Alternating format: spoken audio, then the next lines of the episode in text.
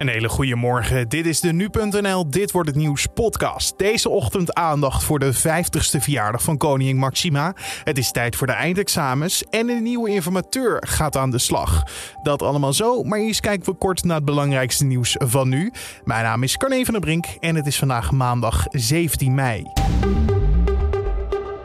De VN-veiligheidsraad is er opnieuw niet in geslaagd om tot een gezamenlijke verklaring te komen over het conflict tussen Israël en de Palestijnse gebieden. De Verenigde Staten zouden het hebben geblokkeerd.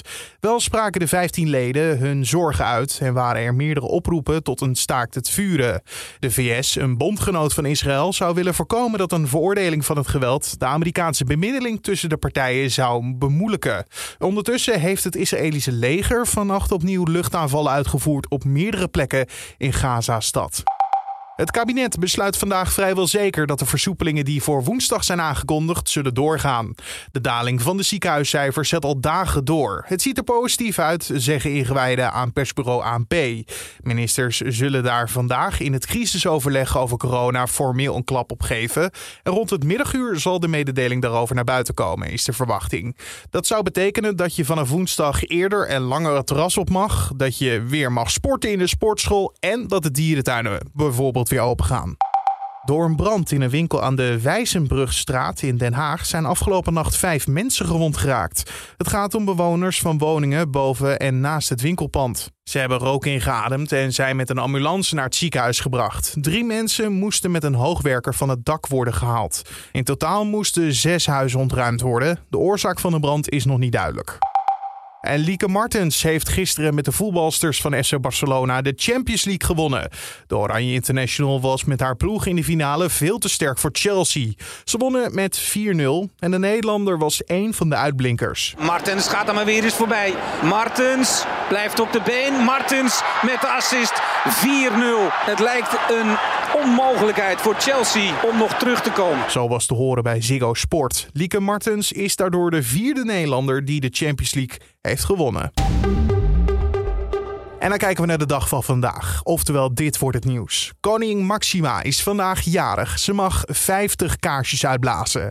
Vanwege corona kan ze geen groot feest geven, maar zoals zei ze al eerder, haalt ze dat nog wel in. Vanavond wel een interview met koningin Maxima. Matthijs van Nieuwekerk heeft haar geïnterviewd ter gelegenheid van haar verjaardag. Het gesprek is opgenomen bij de vorstin thuis op Huis ten Bos.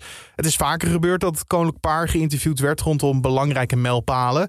Koning Willem-Alexander bijvoorbeeld toen hij 50 werd. Daar keken toen zo'n 4 miljoen mensen naar. Ook werd het koninklijk paar geïnterviewd door presentatoren Rick Nieman en Marielle Tweebeke rondom de troonwisseling in 2013. Maar dan naar vanavond. We blikken erop vooruit met de hoofdredacteur van Forsten, Justine Marcella.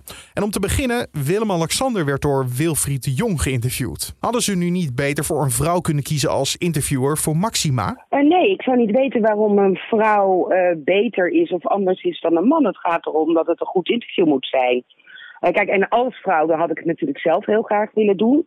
Maar ik denk dat Matthijs van Nieuwkerk uh, een fantastische interviewer is voor onze koningin.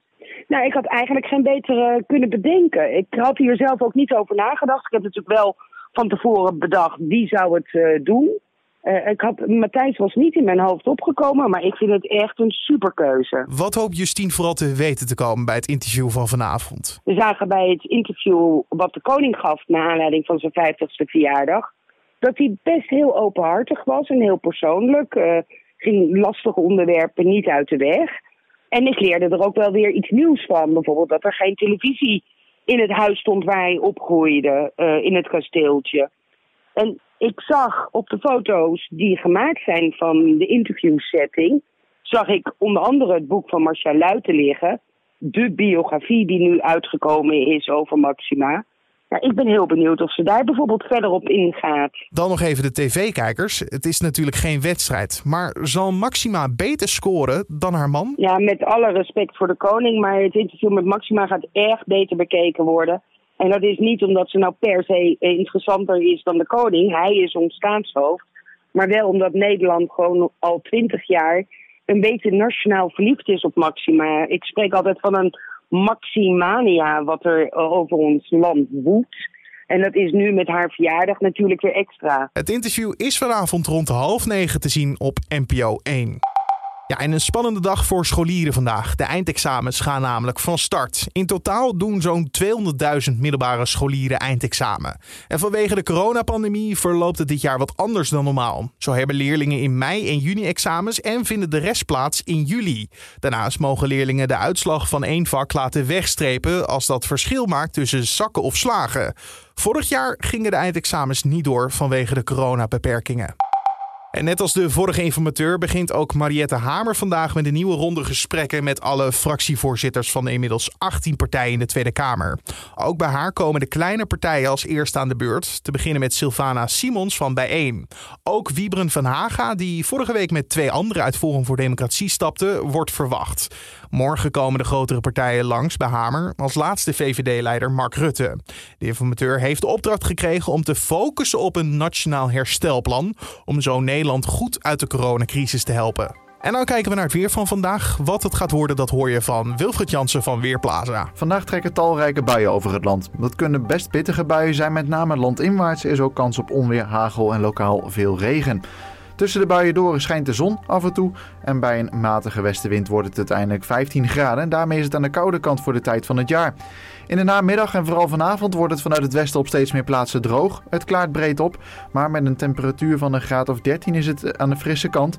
In de zon en uit de wind kan het vanavond nog wel een tijdje aangenaam zijn. Dankjewel Wilfred Jansen van Weerplaza. En om af te sluiten nog even dit. Bestuursleden van Microsoft zouden vorig jaar besloten dat Bill Gates zich moest terugtrekken uit het bestuur. Dit werd besloten nadat een affaire van Gates met een vrouwelijke medewerker van het bedrijf van het licht was gekomen. Zo schrijft de Wall Street Journal. Volgens bronnen ging het om een ongepaste romantische relatie tussen de multimiljardair en de medewerkster. Gates maakte vorig jaar bekend uit het bestuur van het door hem opgerichte bedrijf te stappen. En eigen zeggen deed hij dat om meer tijd te hebben voor liefdadigheid. En het is een vraag of het er ook echt daadwerkelijk mee te maken heeft. Maar Gates en zijn vrouw Melinda lieten eerder deze maand nog weten na een huwelijk van 27 jaar te gaan scheiden. En met deze flinke rel in de tegenwereld sluiten we de podcast af voor deze maandag 17 mei. Je kan de podcast heel makkelijk vinden in de ochtend en middag op de voorpagina van nu.nl en natuurlijk in je favoriete podcast app. Spotify, Apple Podcast of Google Podcast, om zomaar een paar apps te noemen. Mijn naam is Carne van der Brink. Een hele mooie dag en bedankt voor het luisteren. you